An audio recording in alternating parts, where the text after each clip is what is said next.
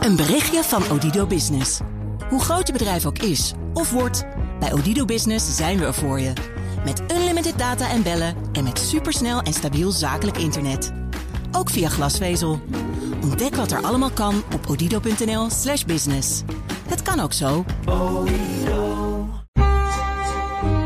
De Perestroikast. Een blik op Oost-Europa.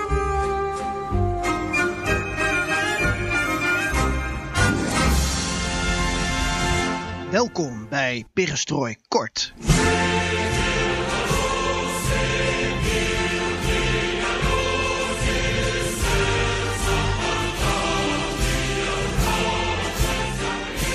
Buitengewone tijden vragen om buitengewoon veel duiding, vinden wij dan. En nadat wij vorige week ook al een korte uitlegaflevering maakten over de situatie in Wit-Rusland, schreeuwt deze week daar ook om. En dit keer nemen we er een half uurtje de tijd voor waarin we ons focussen op de loyaliteit van de staatsorganen richting Lukashenko en de bijzondere rol van buurland Litouwen. Het is vandaag 18 augustus 2020. De klok tikt, het half uurtje gaat in. Zo dadelijk hoor je onze kameraad Koen Verhelst. Mijn naam is Geert-Jan Haan. En ik ben Floris Akkerman. Hey Floris, dit is BNR Perestrooi Kort.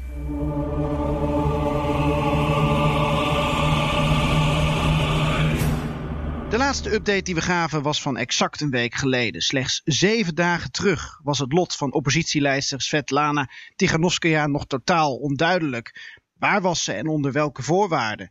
Zeven dagen terug was Wit-Rusland net Belarus geworden voor sommige media. En ook een week geleden leek met name de keiharde hand van Lukashenko nog de winnende te zijn.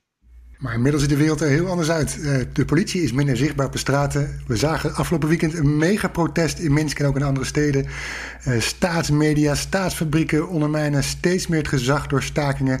En Lukashenko, ja, wat die aan het doen is, dat weet ik eigenlijk niet meer, want die uh, roept een na het andere uh, nieuwsitem of probeert nog zijn, zijn, zijn, zijn, zijn lijf en lichaam te redden. Het buitenland is op zijn, uit op zijn ondergang, zegt hij, en, dat, en op dat van Belarus sprak hij ronkend dit weekend. En Lukashenko denkt daarbij ongetwijfeld aan Litouwen, een van de landen die zich hard maakt voor de Wit-Russische oppositie en aan Svetlana Tiganovskaya onderdak heeft geboden. Ja, je hoort het. We wisselen een beetje met uh, Belarus en Wit-Rusland, hè? Ja, we zijn verdeeld. ja, precies. Voor de bemiddeling gaan we naar Vilno. Okay, let's go to Lithuania, where Koen Verhelst is waiting to speak to us. Labas Dakaras. Dag Koen. Labas, Labas. Labas. Hoe uh, wordt uh, Wit-Rusland in Litouwen eigenlijk genoemd? Is dat Belarus? Uh, Baltkrevia, denk ik. Ah, om Dus, het nog uh, ingewikkelder uh, te maken. Ja, dat is, dat is in het Lets. Ik moet, ik moet je eerlijk bekennen dat ik het in het Litouws uh, niet, uh, niet paraat heb. Oké. Okay. Nou, bij jou zit in ieder geval uh, mevrouw Tiganovskaya. Dat is dan de Russische variant op haar naam. Um, we gaan het daar straks over hebben met jou. Want uh, sinds zij daar in ballingschap is, uh, is er van alles aan de hand. En jij hebt ook contact met de minister van Buitenlandse Zaken in Litouwen. Met een onuitspreekbare naam voor mij. Ik noem hem gewoon Linke Vikius. Maar jij weet het beter uit te spreken. Linkavicius. Prima. Uh, we gaan het zo over die naam hebben. Maar eerst Floris. Uh, gelukkig heb jij een makkelijke naam die ik altijd goed uitspreek. Ik ben een paar dagen op vakantie. En in een relatief korte tijd, want het was echt een korte vakantie... hoor en zie en lees ik dat Lukashenko een heleboel regie is kwijtgeraakt. En dus dachten we... Het is tijd voor een update.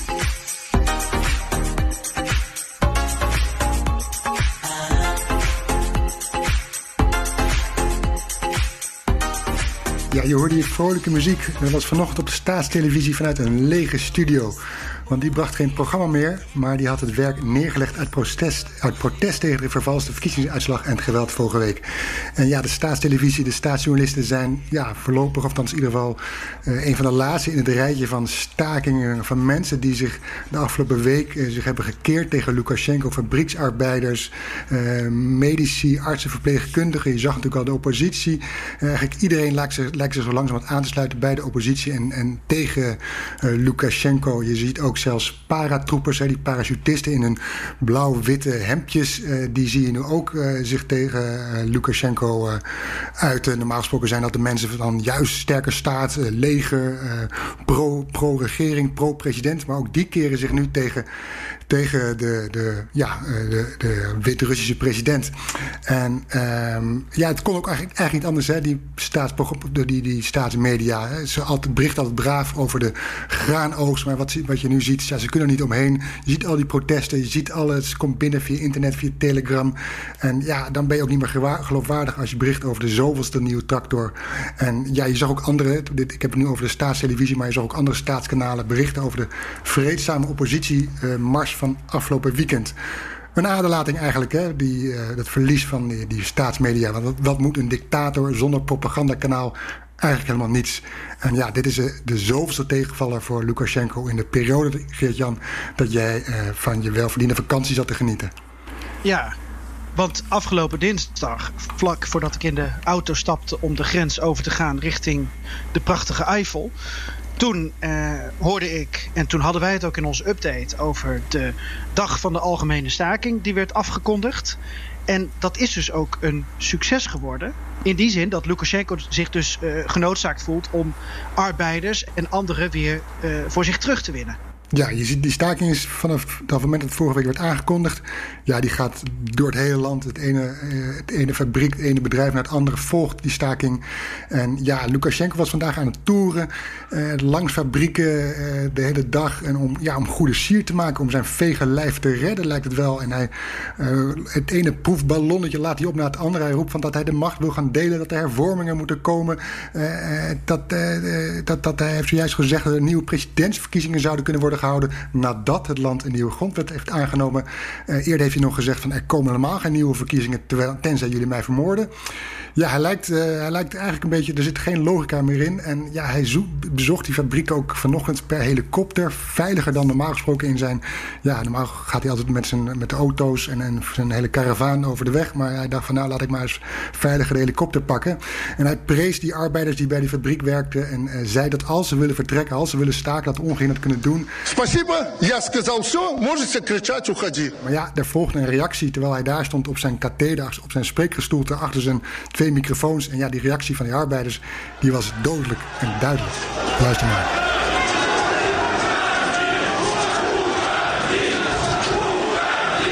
Ja, je hoort Oegadi, Oegadi, Geert-Jan. Uh, stap op, vertrek, ga weg. Uh, ja, verbijsterend. Kijk Lukashenko en ja, aan wie doet jou dit denken, joh? Ja, aan uh, Ceausescu. Ja. Ja, 30 jaar uh, terug. We hebben daar in december nog een prachtige avond over georganiseerd mm -hmm. met Nausicaa Marbe. Over hoe Roemenië zich in 30 jaar tijd heeft ontwikkeld na die versnelde val van Ceausescu. Ik had nog even contact met Nausicaa Marbe vanmiddag, columniste van de Telegraaf met Roemeense roots. En um, ze had wel ja, echt dat ze gelijk moest terugdenken aan die tijd. Dat ze zei: Je ziet alle stappen van een dictatuur die in elkaar zakt. Maar ze zegt uh, langzamer, omdat het in Wit-Rusland dan met verkiezingen gepaard ging. Omdat mensen dermate massaal demonstreren dat ze niet makkelijk neergemaaid kunnen worden. En ook omdat, zo is haar idee, uh, Lukashenko zijn eigen tactiek veranderde. Um, ja, kan je daarin mee? Ja, je ziet wel dat, dat bij die demonstraties en die protesten van de afgelopen dagen... er is helemaal geen politie uh, of geheime dienst uh, meer zichtbaar. Wat je de, in de eerste twee protestdagen wel zag. Hè. Er werden mensen van de straat geplukt, in elkaar geslagen, gearresteerd, in de gevangenis toegetakeld. Um, ja, dat, dat leverde alleen maar, zorgde alleen maar voor nog meer reacties, nog meer protesten op straat. En ik denk dat hij heeft gekozen van, gedacht van, nou, dit is de verkeerde tactiek. Uh, ik moet het anders doen, of over, over een andere boeg gooien. En ja, daar zag je vandaag iets van, van ja, proberen om toch een gebaar te maken naar die oppositie. Maar ik heb het idee van dat die mensen, dat, dat al die beloften dus al die, die hervormingen of die veranderingen die je aankondigt, dat dat, ja, dat is te laat. Waar wij het in dit stadium nog over moeten hebben, want zover is het niet, is loyaliteit. Mm -hmm. Vandaag zag je uh, weinig loyaliteit bij arbeiders. Je zag geen loyaliteit bij staatstv. Hoe zit het met leger, politie, veiligheidsdiensten. Wat is daarvan over? Ja, je hoort daar niet meer. Je ziet niet echt beelden van dat die overstappen uh, de andere kant kiezen. Zo nu en dan een, een, een agent die zegt van ik, uh, ik schei hem uit en ik stop ermee. Je zag vorige week soldaten die hun uniform in de, in, de, in de prullenbak gooiden en een baret in, in een container stopten. Als van ja, ik wil. Ik heb dit, dit, gaat ten koste van mijn trots. Ik ben, uh, hier ben ik niet voor opgeleid, hier heb ik niet voor gediend in het leger. Maar dat zijn, lijkt het, incidenten. Uh, je zag soldaten hun schilden zakken toen zij uh, ja, in, in, in, in ornaat stonden tegenover de demonstranten. Um, dus het is de, vraag hoe breed dat is. ik was in Minsk en toen heb ik me laten vertellen van um, hoe politie, hoe die agenten worden ja, ja, opgefokt voordat zij zo'n confrontatie met de demonstranten aangaan. Het blijkt dat zij, zou zijn dat zij beelden van Maidan te zien krijgen, hè, waar Oekraïnse politie-eenheden die het opnamen tegen de demonstranten toen in 2014 eh, en die strijd niet hebben overleefd, dat ze die beelden laten zien en met, een, met, een, uh, met de boodschap: kijk, dit staat jullie te wachten als jullie niets doen. Uh, dat wordt dan tegen die Wit-Russische politie gezegd. Er is ook een interview vandaag uh, uitgekomen op een Wit-Russische, Belarusische website en van een agent die zegt ook: ja die werd echt klaargestoomd. Hè. Als werd gezegd, als de huidige regering verliest... wordt ieder van ons, van die politieagenten... langs de weg aan takken opgehangen. En daarom is het noodzakelijk om alles met, ja, om deze macht met alle middelen en, en alles wat je hebt te beschermen. En ja. ja dat zag je dus vorige week ook terug. Maar hoe groot uh, uh, die, die mensen, hoe groot die groep is die nu uh, stopt ermee en die, die niet meer loyaal is, is lastig te zeggen. Um, dat geldt ook voor de geheime diensten, nog alles de KGB geheten, de Sovjetnaam. Um, ik sprak ook iemand over in Minsk en die zei: ja, het is, het is geen afzonderlijke zuilkasten zoals in Turkije waarvan, waarvan mensen, waarvan het leger bijvoorbeeld zegt van we plegen hier een koep, we, houden, uh, we, we, we, hebben een eigen koers, die houden vast. En je ziet hier, zei hij, dat het hele veiligheidssysteem hangt vast aan één man en dat is Lukashenko. Ja, het is geen helstaat hè, op dit moment. Nee.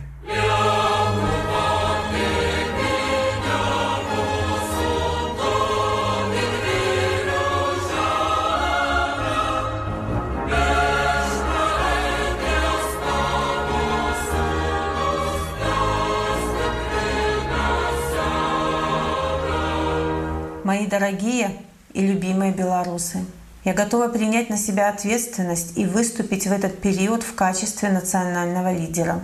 Ja, ze is er klaar voor om de leiding van Belarus op zich te nemen. Dat zegt in ieder geval Svetlana Tiganovskaya in deze video, opgenomen in buurland Litouwen. Daar zit ze namelijk sinds ik op vakantie dus ben geweest. Vorige week, dinsdag was dat. Ze moest toen uh, gedwongen Belarus, Wit-Rusland verlaten. Koen, Litouwen. Is dat nou een warm nest voor tegenstanders van Lukashenko? Ja, absoluut. Al, al sinds de, de vroege jaren negentig komen heel veel activisten naar Litouwen... omdat ze in, uh, in Wit-Rusland hun, uh, hun werk niet kunnen doen en hun mening niet mogen uiten.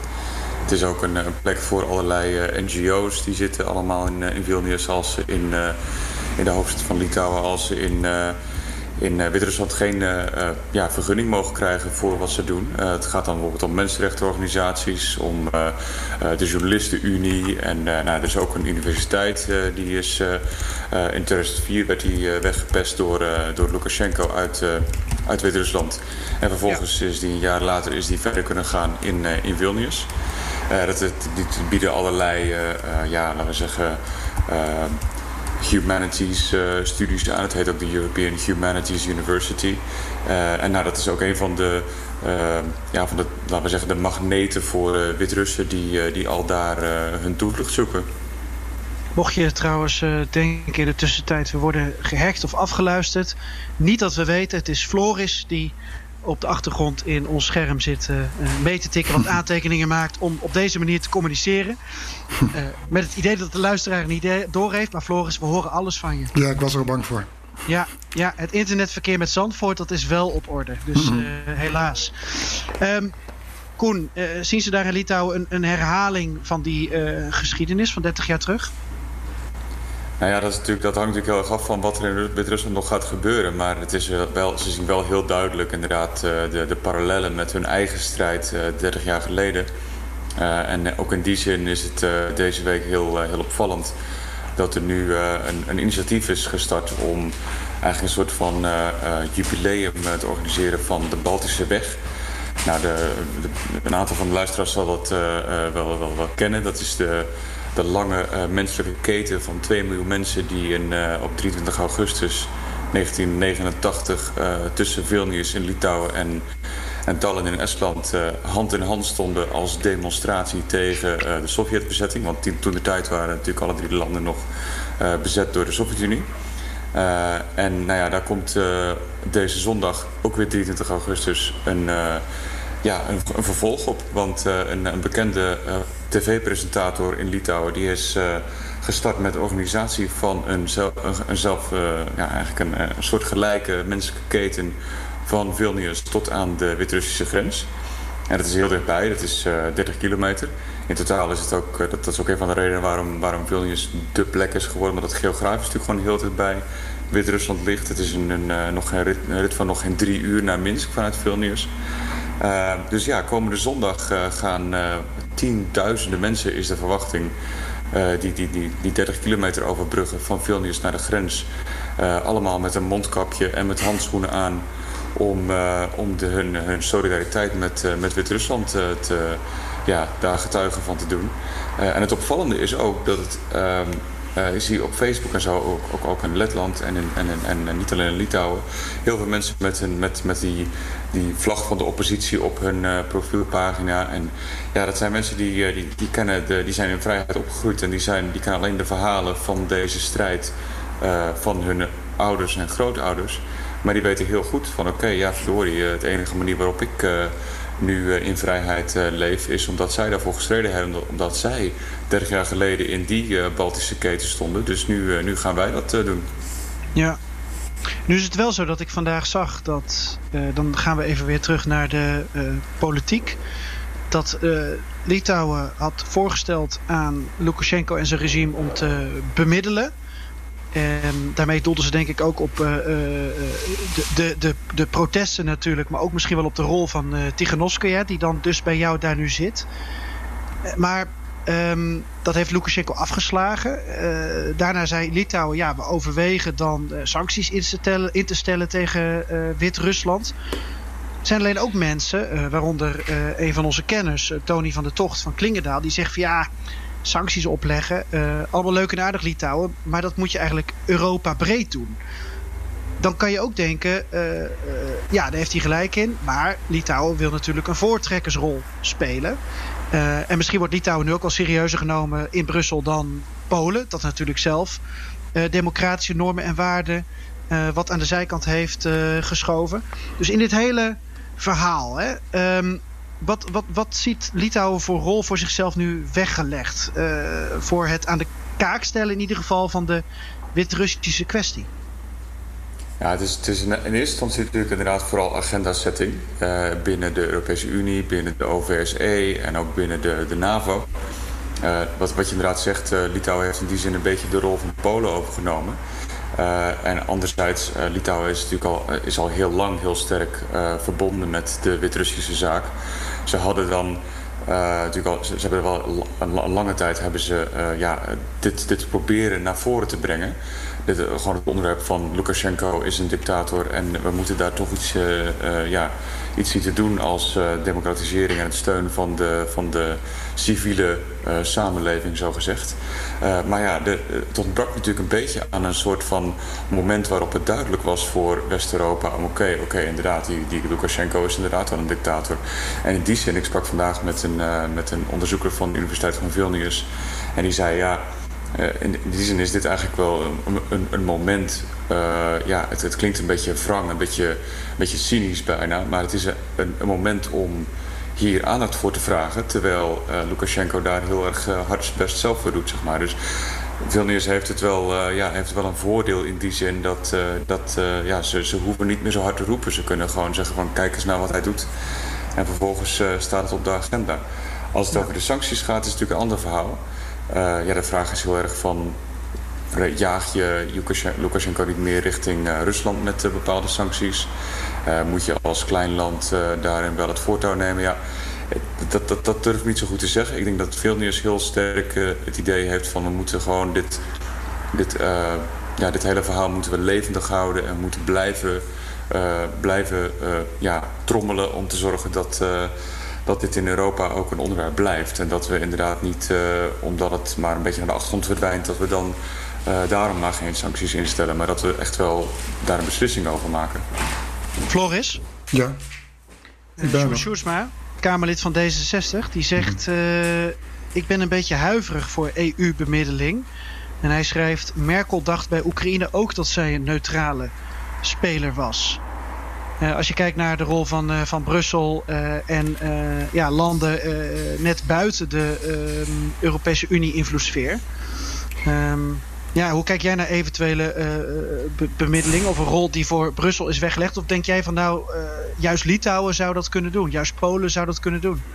Nou, ik vond het interessant eigenlijk wel de reactie van uh, Kalesnikova, een van die drie vrouwen die het opneemt tegen Lukashenko. Hè. Dat is een trio waarvan Tiganovskaya de presidentskandidaat is en die andere twee, waaronder Kalesnikova, zijn afgewezen. Die zei eigenlijk Europa moet helemaal geen sancties instellen. Daarvoor maken jullie het uh, uh, veel te moeilijk om een dialoog op te zetten voor ons als oppositie met, het huidige, met de huidige regering, met de huidige autoriteiten. Dus die stelt voor, wacht dan nog even. Het kan ook zo zijn dat die sancties weer de bevolking raken. Dus op dit moment zijn die sancties wat haar betreft niet het juiste moment. Koen, wat ook kan, is dat je natuurlijk de Wit-Russische oppositie helpt misschien wel geld geeft. Weet jij of er uh, betalingen zijn vanuit uh, Litouwen, Letland, Estland? Dat, dat zou ik niet durven zeggen, maar het is natuurlijk wel zo dat er heel veel NGO's, wat ik al in het begin al zei, dat, dat die wel onderdak hebben gevonden in, in Vilnius. en dat er dan ook bijvoorbeeld, zijn vaak een soort van verzamelorganisaties die dan ook een lokale tak hebben waar mensen aan kunnen doneren. Maar ik zou niet durven zeggen of, of nu sinds, de, sinds de, de verkiezingen van vorige week of de Litouwse regering nu zegt van oké, nu gaan we hard uh, steunen. Ik denk dat zij vooral heel erg uh, op de lijn zitten van uh, we moeten juist zorgen dat er vrije verkiezingen komen in Wit-Rusland. En ja, dat ze, ik denk niet dat ze specifiek zeer hard, zeer sterk gaan steunen aan één bepaalde kandidaat. Dus in die zin ja, ze geven natuurlijk onder, onderdak aan uh. Dus dat is een andere manier van, van steun. Maar uh, ik, ik, weet niet hoe ver dat is, uh, ook ja, gesteund wordt met geld. Ja, wel een mooie vraag voor de minister van Buitenlandse Zaken van Litouwen. Want die ga jij spreken. Jij bent niet alleen een kameraad van ons, maar je bent ook een collega binnen de FD Media Groep voor het Financiële Dagblad en voor BNR. En jij spreekt dus deze man, die toch wel een baas is, als ik het zo mag zeggen. want hij heeft wel wat uh, zichzelf op de hals gehaald met het binnenhalen van Tiganovskaya?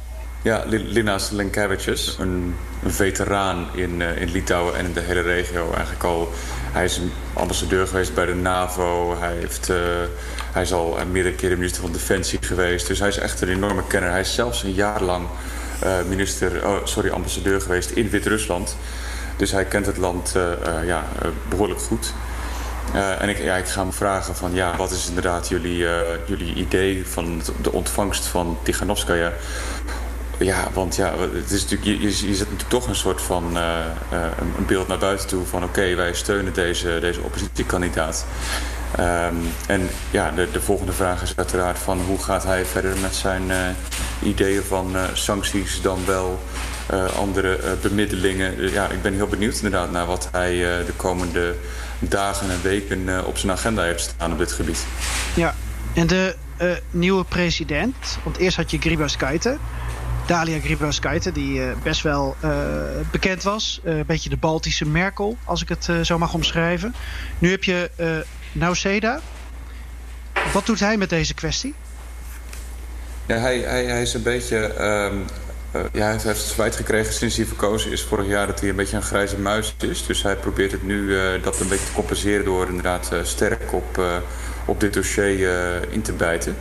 Dus hij, heeft, hij was vorige week al met het drie punten plan gekomen richting Lukashenko om te zeggen van nou, als, je, als, je met, als je stopt met, met mensen ja, toe te takelen en dan vervolgens je, je uh, je troepen terugtrekt en dan uh, daarna kan, uh, kan praten met, met de oppositie hier in Litouwen, dan kunnen we, dan kunnen we daarin bemiddelen. Dat is dus het plan dat inderdaad vrij ja, gedoemd bleken achteraf. Maar hij is nog steeds iemand die, officieel is in Litouwen de, de president degene die bepaalde ehm, ja, laten we zeggen, de opiniemaker is als het gaat om buitenlandbeleid. Dus hij is wel de aangewezen persoon om nog meer dit soort ja, handreikingen doen naar Lukashenko. Of inderdaad om, om, om het ja, om een beetje te dirigeren tussen uh, en, uh, en, en bijvoorbeeld de, de, de oppositie in Wit-Rusland of, de, ja, of het, de autoriteiten in Wit-Rusland. Er zit hier ook nog een, een extra agenda bij richting Moskou bijvoorbeeld. Dat ze daar iets van gedaan willen krijgen of onder druk willen zetten of gewoon een beetje pesten. Nou ja, natuurlijk. Uh, Litouwen ziet nog steeds uh, uh, Poetins Rusland als, als ja, de voornaamste dreiging, zo gezegd. Ja, want dat, dat, blijft natuurlijk die, die 50 jaar bezetting, dat, ja, dat, dat, dat wist je niet zomaar uit. Dus dat, dat blijft. En in die zin is het, heeft Litouwen er natuurlijk ook heel veel belang bij, zo gezegd, om, om te zorgen dat ja, democratie als staatsvorm, vrije verkiezingen, dat die ook in, in, in Wit-Rusland voet aan de grond krijgen. Zodat het zelf ja, stabiele buurlanden heeft waarmee het goede relaties kan onderhouden en ook hopelijk op termijn goed zaken kan doen. Dus, uh, dus, dus, ja, dat is absoluut een, uh, een, uh, een, een, soort van zijtoneel van de strijd die, ja, strijd, dat klinkt misschien een beetje heftig, maar de, de relaties die Litouwen heeft tot, tot Moskou. Koen, blijf nog heel even bij ons voor de laatste paar minuten. want Floris, we hebben mm -hmm. vragen van luisteraars gehad die toch wel vrij massaal ook deze kwestie op de voet volgen. Uh, zullen we uh, beginnen met de vraag van uh, Nettie Rook? Want die sluit ook zeker aan bij het thema van deze perestrooikort. Namelijk hoe lang het leger, politie en, en de veiligheidsdiensten Lukashenko nog blijven steunen. En onder welke voorwaarden ze dat wel of niet doen.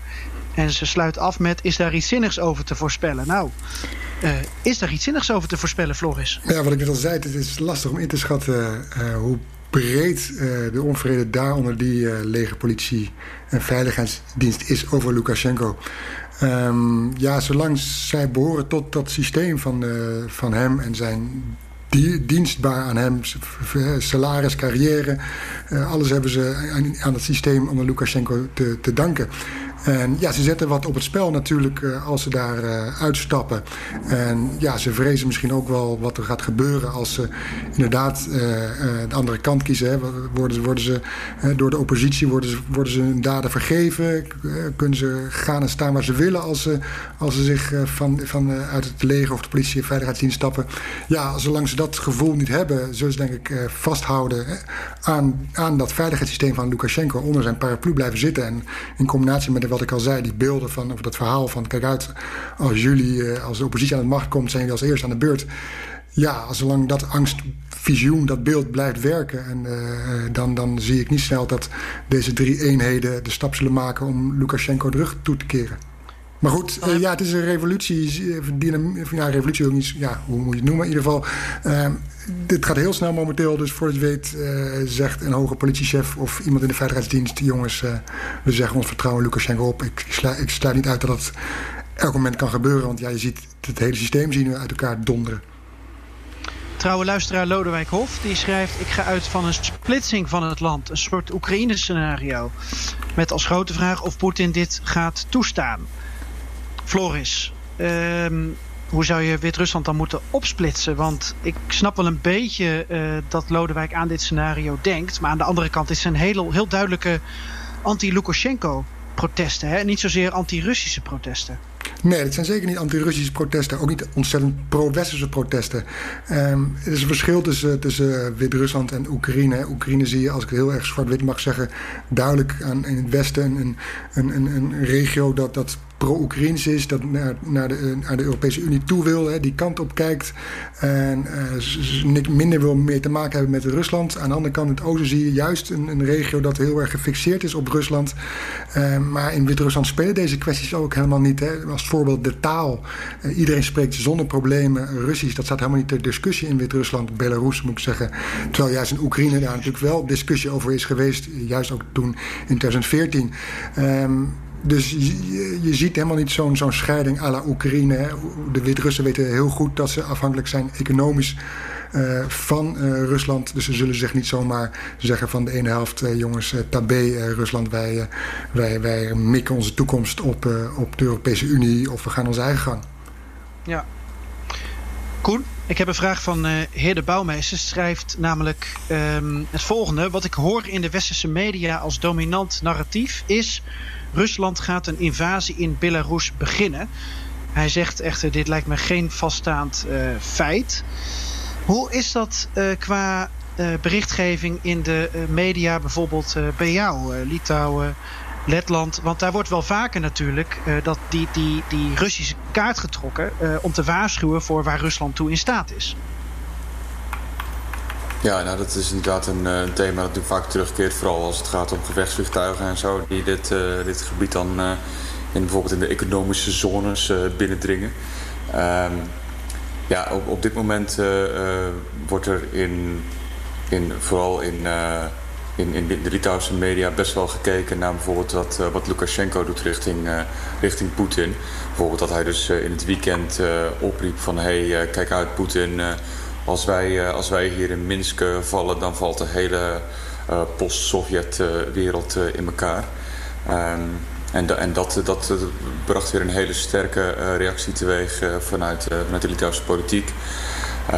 maar ja, de, of, of er ook echt een, een, een, eh, een, zicht is op een militaire aanwezigheid vanuit, vanuit Rusland, dat, dat, daar heb ik nog weinig over gelezen tot zover. Het is vooral een, een, een politieke getouwtrek tot zover.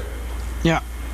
En Floris, het is een perestrooi kort, dus we moeten het hierbij laten. Maar we hebben een boel vragen gekregen die ook nog uh, voor nieuwe afleveringen kunnen leiden. Bijvoorbeeld over uh, Ceausescu. Uh, maar ook vragen van Trouwviel en aanvullingen van Aneko B. Henkemans. Ja, over ja. bijvoorbeeld wat als um, de boel in elkaar dondert. Lukashenko het hazenpad kiest. Wat gebeurt er dan? Is men niet bang dat oligarchen de kliek verdelen?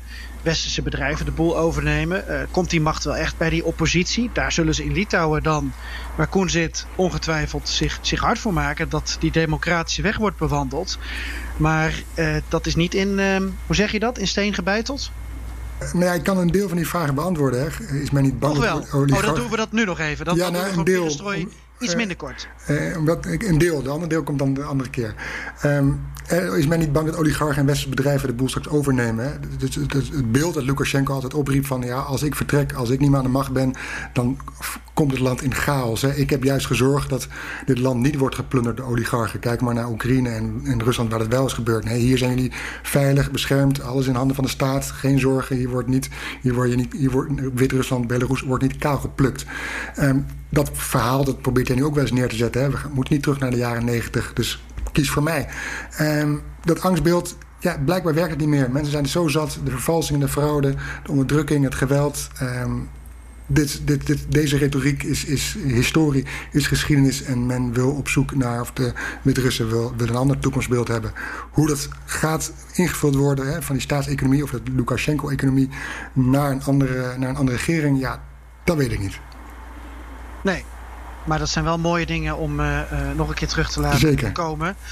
En we laten het hierbij, uh, ook omdat het nieuws ons elke keer weer achterhaalt. Er zijn zoveel ontwikkelingen. Um, want Floris, jij had het al aan het begin over dat Lukashenko uh, het ene moment zegt van uh, ze moeten me kiel halen. Wil, ik, wil ik van mijn troon afgaan. En een ander moment, zoals tegen persbureau Belta dan zegt hij, uh, nou laten we een, een referendum organiseren. En uh, uh, als het daartoe komt dat men wil dat ik wegga, nou dan wil ik best wel wat constitutionele machten en krachten verdelen of overdragen. Um, ja, dit gaan we waarschijnlijk nog een paar dagen krijgen, hè? Dit, dit, dit verbale spel. Um, ik denk het wel. Aan de andere kant, elke keer zijn toch weer verrassende ontwikkelingen gaande. Dus Zo'n zo'n ja. zo'n zo'n zo'n zo'n proces heeft ook zijn eigen dynamiek. Zeker waar. Want de vorige keer sloten we af met dat Tiganovskaya ineens in Litouwen bleek te zijn.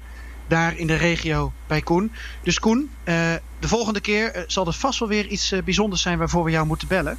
En hou ons op de hoogte van wat die Litouwse minister met die moeilijke naam allemaal aan je antwoordt. Nog één, Linkevicius? Linkavicius, ja, exact. Jouw interview met Linkavicius kunnen we morgen lezen in het Financiële Dagblad. En vandaag hopelijk ook al online op fd.nl. Benieuwd ook naar wat hij eigenlijk vindt van de machtswisseling waar Tiganovskaya nu ook inhoudelijk aan werkt. Of hij daarbij betrokken is, die coördinatieraad voor de overdracht van de macht. Want zo heet die ronde tafel, die vandaag misschien wel het nieuws van de dag zal zijn. Bovenaan de lijst van betrokkenen zien we trouwens een andere Svetlana, Nobelprijswinnares voor de literatuur, Alexeyevich. Loris, bedankt. Jij ook bedankt, Geert-Jan en Koen. Paka. Hayatov.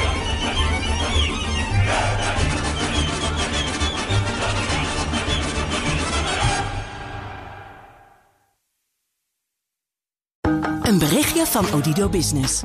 Hoe groot je bedrijf ook is of wordt, bij Odido Business zijn we er voor je. Met unlimited data en bellen en met supersnel en stabiel zakelijk internet. Ook via glasvezel. Ontdek wat er allemaal kan op odido.nl/slash business. Het kan ook zo.